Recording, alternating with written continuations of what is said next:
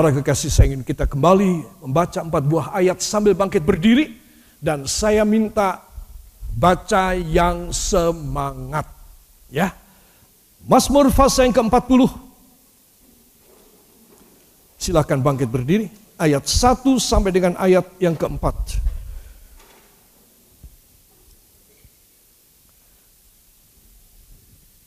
Kita mulai dari judulnya. Satu, dua. Syukur dan doa. Halo, halo, halo. Belum semua. Ya. Ayo sama-sama. Satu, dua. Syukur dan doa. Untuk pemimpin biduan. Mazmur Daud. Aku sangat menanti nantikan Tuhan. Lalu ia menjenguk kepadaku dan mendengar teriakku minta tolong. Ia mengangkat aku dari lubang kebinasaan, dari lumpur rawa. Ia menempatkan kakiku di atas bukit batu. Ia menetapkan langkahku. Ia memberikan nyanyian baru dalam mulutku untuk memuji Allah kita. Banyak orang akan melihatnya dan menjadi takut lalu percaya kepada Tuhan, lalu percaya kepada Tuhan. Beri tepuk tangan bagi dia. Haleluya. Ya, para kekasih, saya ingin mengajak semua saudara memperhatikan kalimat-kalimat ini dan ini adalah dahsyat sekali ya. Saudara, Tuhan ingin supaya saya dan saudara mengerti tentang rahasia ini. Yaitu rahasia bersyukur dan berdoa. Tuhan menempatkan doa itu di bawah syukur. Saya sudah menjelaskan hal ini kenapa demikian. Karena orang berdoa itu kadang-kadang dengan kejengkelan, hati yang kotor, tidak bersih. Ya saudara. Tetapi mau menghadap Tuhan, boleh saja, boleh. Orang berdosa memang dia harus berdoa. Katakan orang berdosa memang harus berdoa.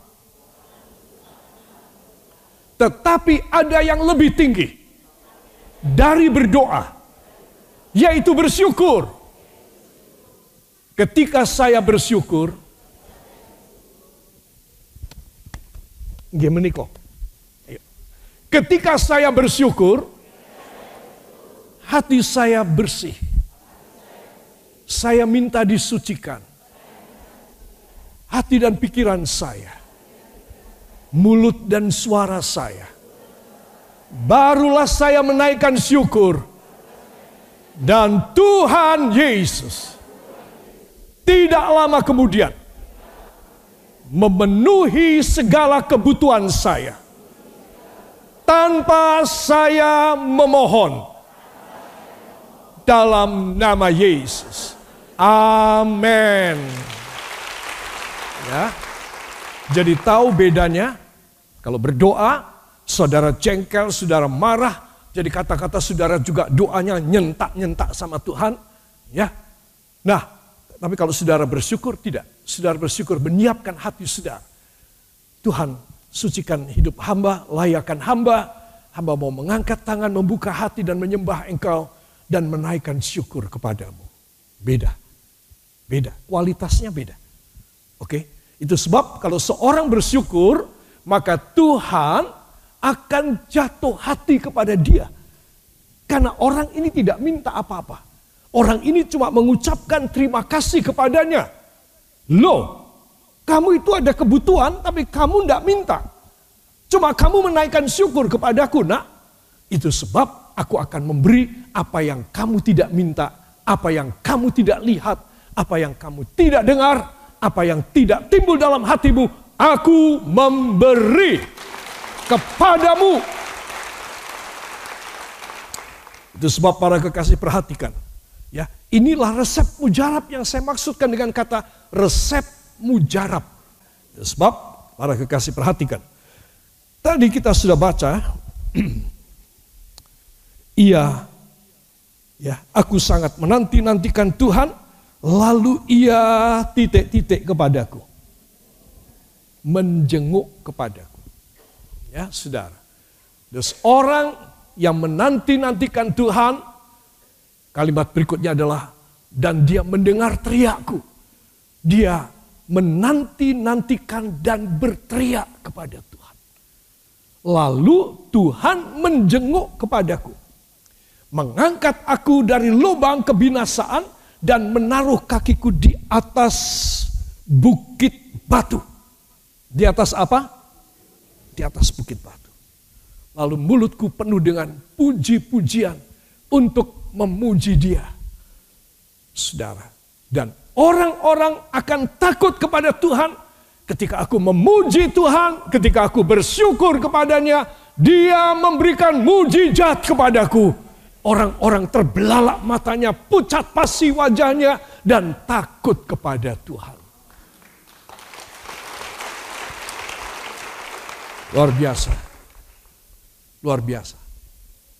Ini cara, ini sistem yang saya harus contoh. Supaya selalu saya tahu bahwa dia siap untuk menjenguk saya. Saudara. Tetapi saya harus berteriak kepadanya, saya harus bersyukur kepadanya. Saudara, dari mulut saya harus keluar puji-pujian selalu. Jangan ngomel. Berapa puluh kali saya bilang, jangan ngomel. Jangan menuduh. Jangan mengintimidasi orang. Jangan mepet orang. Saudara. Tuhan berkata, Alkitab mengatakan, kalau kamu sampai berani memepet saudaramu, aku akan pepet kamu. Kalau kamu berlika-liku dengan saudaramu, aku akan memberikan kamu hidup yang berlika-liku tidak karu-karuan. Saudara, itu Tuhan Maha Adil. Itu sebab kalau saudara tidak mendengar firman banyak, saudara nggak ngerti banyak. Saya pun masih belajar saben hari dari buku saya sampai pada pretel semua ini. Tuh, pretel atau protol kalau di sini bilang. Ya, ini sampai plastiknya nih sampulnya. Ibu gembala sudah beberapa kali mengganti. Ini pelajaran saya. Sehingga apa? Sehingga saya paham apa yang dia mau dalam hidup saya, saya bisa memberitahu orang-orang banyak tentang jalan kelepasan. Katakan tentang jalan kelepasan. Tentang jalan kemakmuran. Tentang jalan kemenangan.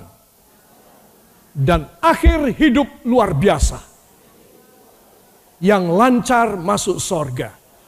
Saya harus belajar. Mulai pagi ini lebih banyak. Amin.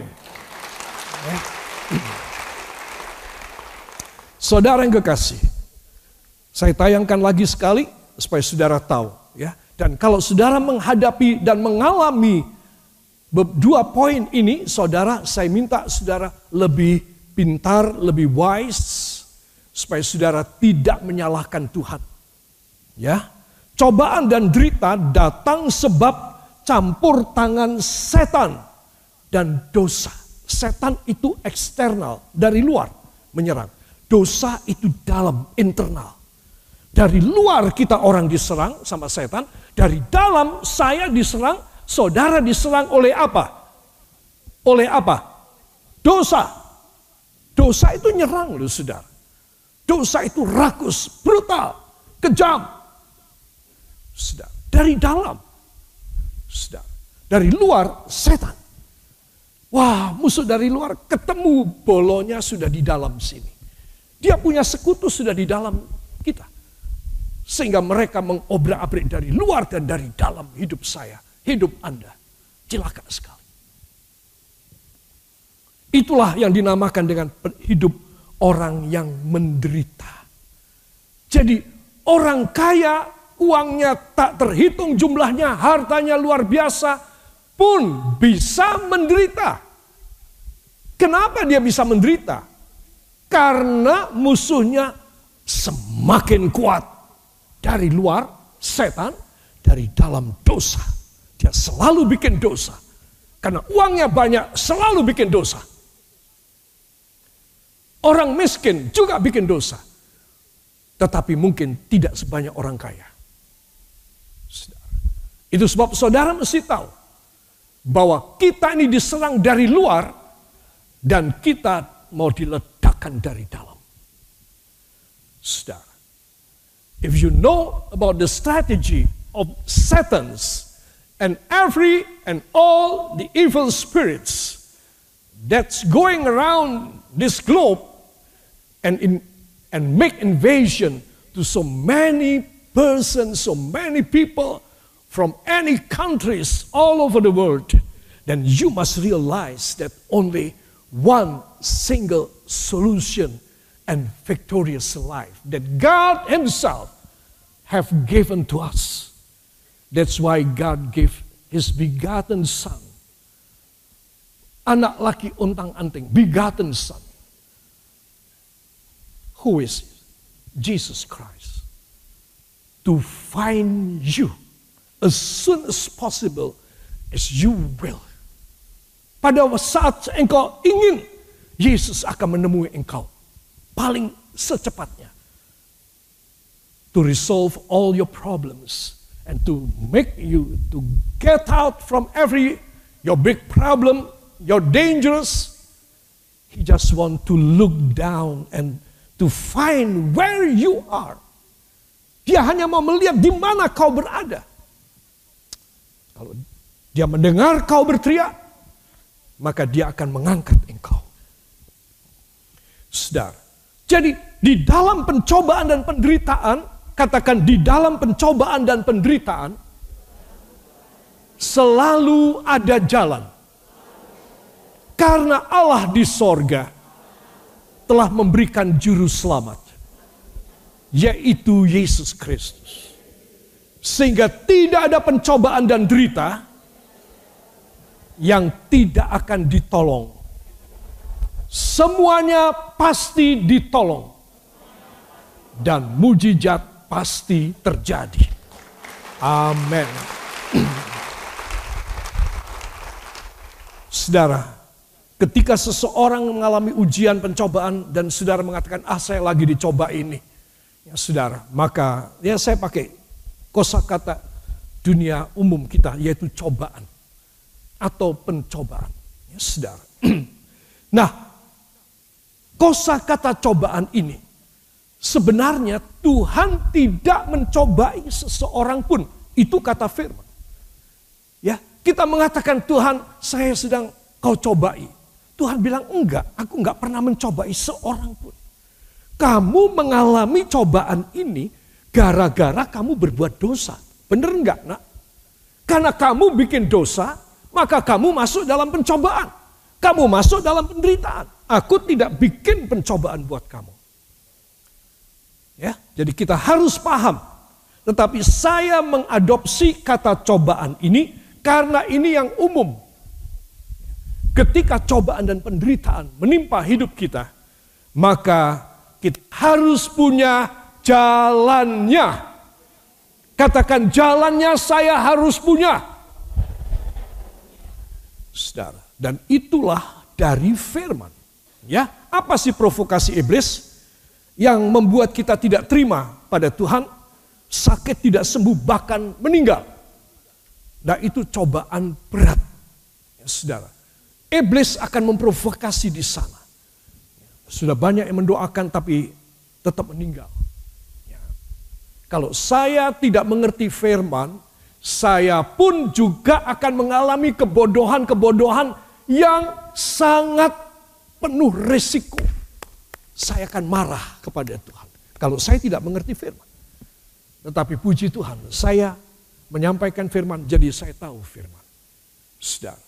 Jadi saya harus bersyukur ketika saya mengalami apa pun. Saudara. Saudara harus bersyukur ketika saudara mengalami apa pun. Karena syukur saudara membuat Tuhan menjenguk kepada saudara dan akan mengangkat saudara keluar dan menaruh kaki saudara di atas batu karang yang kuat dan teguh. Engkau tidak seperti wanita ini. Terus tertunduk, menangis sampai habis air matanya. Ketika dia menengadah, matanya segini-segini. Bengkak semua. Saudara. Itu sebab saya ingin mengajak semua saudara. Ketika saudara punya doa tidak dijawab, maka saudara harus tahu Tuhan menjawab dengan cara yang lain. Gak seperti permintaanku. Tuhan menjawab dengan cara yang ajaib. Kalau doaku tidak dikabulkan, pasti dia punya cara ajaib. Kalau seorang anak Tuhan punya prinsip ini dalam hidupnya, dia hidup bebas dan dia hidup senang. Seperti apa pun dia punya keadaan, dia akan happy. Karena dia punya perjanjian yang dahsyat dari Tuhan. Setan dan dosa tidak bisa merebut dia lagi. Setan dan dosa tidak bisa meledakkan hidupnya. Para kekasih ini hal penting sekali. Semua katakan pada samping penting karena kita tidak tahu kapan meninggal dunia. Apalagi yang iblis bisa provokasi kita. Tadi sakit keras didoakan malah meninggal. Ini ujian. Yang kedua, apakah? Minta yang baik-baik. Kerjaan, minta anak, karena kita tidak punya anak. Ya saudara. Dan semua hal yang baik yang kita mohon kepadanya, nggak dijawab. Lain kalau kita minta umpamanya Tuhan, beri saya pistol Tuhan. Supaya saya bisa ngerampok. Nah itu Tuhan pasti tidak jawab. Ya. Tetapi saudara punya permintaan itu baik. Luhur dan mulia. Kenapa sih Tuhan gak jawab? Semua katakan, saya sedang diuji. Bila permohonan saya tidak dikabulkan ujian akan segera selesai bila saya berserah kepadanya. Yaitu ketika, yaitu ketika ia memberi kepada saya yang luar biasa, yang belum saya pikirkan. Dalam nama Yesus, apa yang mustahil menjadi tidak mustahil. Amin. Ya. Dan saya sudah mengulangi beberapa kali hal ini. Dan saya percaya minggu kemarin, dari Senin minggu kemarin sampai hari ini, saudara, saudara mengalami beberapa mujizat dari tangan Tuhan. Saya percaya itu terjadi kepada saudara. Itu sebab saudara harus yakin hari ini kembali saudara mendengar firman sepanjang minggu-minggu berikut Allah mencurahkan mujizat di dalam hidup saudara. Dan tidak ada yang mustahil dalam segala bidang yang engkau mohon dengan mengucap syukur kepadanya. Dengan apa? Mengucap syukur kepadanya. Belajar tidak ngomel. Eh, ada satu lagi. Saudara memang tidak ngomel, tapi gerundel. Menurut saudara podo atau sama? Podo atau sama? Sama podo. Ya. Jadi dalam hati saudara nggak keluar melalui mulut deh. Tapi dalam hati saudara kemeropok terus. Hati saudara terus. Ya. Sampai saudara sambil jalan kepalanya dipukul-pukul sendiri. Ya, kayak kebu gitu. Ya. Para kekasih saya kasih tahu. Itu sama aja saudara nggak berserah kepadanya. Kalau saudara dan saya berserah kepadanya, saudara punya wajah ceria. Saudara punya penampilan tetap neat dan necis. Saudara punya wajah yang menunjukkan bahwa saudara orang yang bersyukur kepada Tuhan. Para kekasih saya ingin supaya semua saudara faham akan hal ini. Orang yang bersyukur, dia menerima pemeliharaan Tuhan dahsyat. Enggak mungkin enggak. Pasti dahsyat. Itu sebab saudara harus bersyukur. Ini pelajaran untuk orang yang mau mati. Sopo sing ngarep mati? Ya. Anda dan saya harus pelajarannya sebelum meninggal bersyukur. Penting sekali. Satu, Sebelum meninggal, entah masih berapa tahun, berapa belas, berapa puluh tahun lagi, saudara hidup, Tuhan menjamin. Min. Tuhan menjamin. Karena saudara bersyukur. Dua, ketika tiba saatnya saudara meninggal, pintu sorga terbuka. Amin. Nah, anak-anak Tuhan, dengan pendahuluan ini saya ingin mengajak semua saudara pelajaran bersyukur. Ya. Para kekasih, bersyukur dan berkemenangan. Katakan, bersyukur dan berkemenangan. Ya. Gerakannya adalah demikian. Bersyukur dan berkemenangan. Ya. Satu, dua. Ya, bagus. Beri tepuk tangan. Mazmur 139 ayat 14. Mohon dibuka. Mazmur 139 ayat 14 ya. Satu, dua. Aku bersyukur kepadamu oleh karena kejadianku dahsyat dan ajaib. Ajaib apa yang kau dan jiwaku benar-benar menyadarinya. Amin. Saya ulangi ya. Aku bersyukur kepadamu oleh karena kejadianku dahsyat dan ajaib. Kejadian saya, kejadian saudara, fisik saudara, psikis kejiwaan saudara, intelektualitas saudara, semuanya itu ajaib. Karena kejadianku ajaib. Ya, kemudian ajaib apa yang kau buat dan jiwaku benar-benar menyadarinya. Ajaib yang kau buat. Aku sendiri sudah lahir, sudah sekian tahun usianya, aku merasakan itu keajaiban. Lalu selain itu, apa saja yang kau perbuat buat aku ya Bapa, aku menyadari itu ajaib juga buat aku. Jadi aku dari kandungan ibuku kira-kira sembilan bulan sepuluh hari aku lahir dan sejak aku lahir sampai sekarang itu ajaib. Di dalam kandungan ibuku itu ajaib, luar biasa. Setelah aku lahir, kau lakukan ajaib lagi.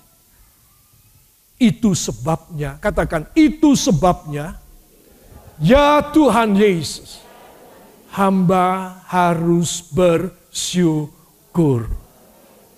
Beri tepuk tangan bagi dia. Dan orang yang bersyukur pasti hidup berkemenangan. Hidup apa? Berkemenangan. Mau hidup menang atau berkemenangan? Wah pinter bahasa Indonesia semua ini. Karena kata berkemenangan itu adalah kata sifat. Kalau menang itu kata benda. Berkemenangan itu kata sifat. The sifat saudara adalah pemenang. Ya. Saudara yang kekasih. Mazmur 139 ayat 14 tadi, saya menyimpulkan bahwa kita harus mempunyai nafas syukur. Katakan nafas syukur. Karena kejadian saya ajaib. Ya. Anggukkan kepala ke samping katakan. Kejadian Bapak. Ya. Kalau wanita bilang ibu ya. ya. Kejadian ibu dan kejadian saya itu ajaib. Bilang.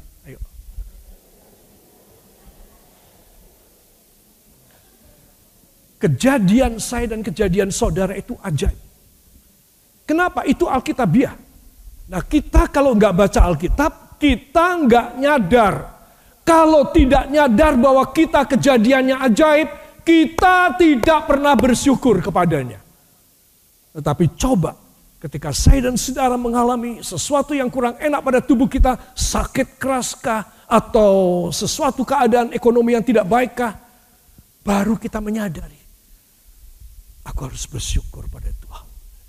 Karena Tuhan menetapkan, mendesain bahwa kejadianku itu ajaib. ketika aku masih di kandungan ibuku. Dan kemudian aku lahir dan sampai sekarang pun dikatakan aku mengalami keajaiban Tuhan. Nah, kalau saudara nyadar dari sejak dikandung oleh ibu mama kita, kita ajaib dan kemudian sejak kita lahir sampai dengan hari ini kita adalah suatu yang ajaib, maka kita tidak akan pernah lupa bersyukur.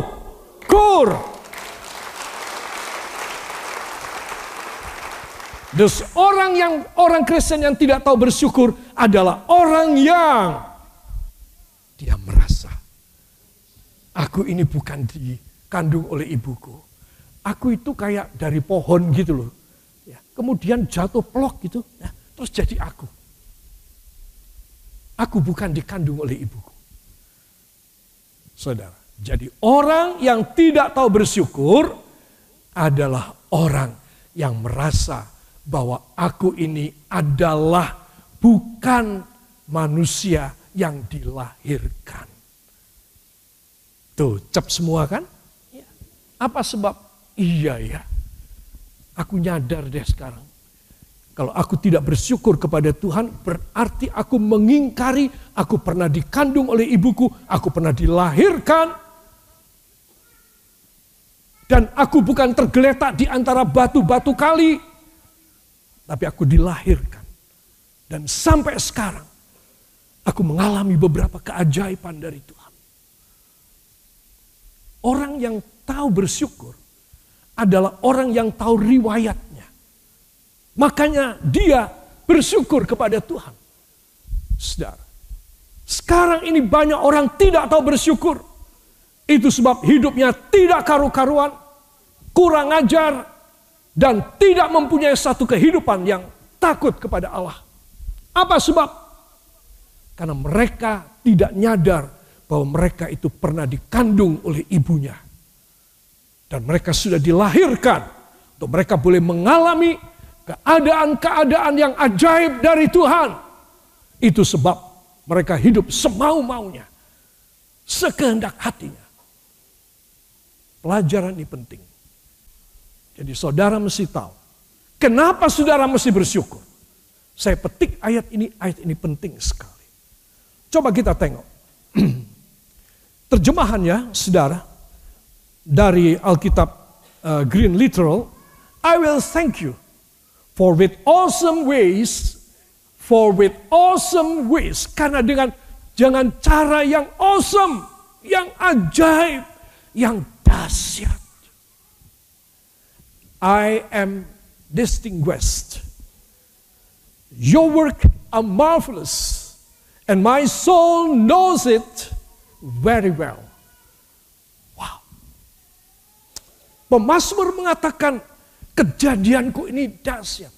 Loh, masa kita ini orang-orang yang lebih intelek, lebih terpelajar ketimbang Raja Daud. Dia raja sih, tapi dia kan kurang terpelajar. Ya. Dia tidak terpelajar.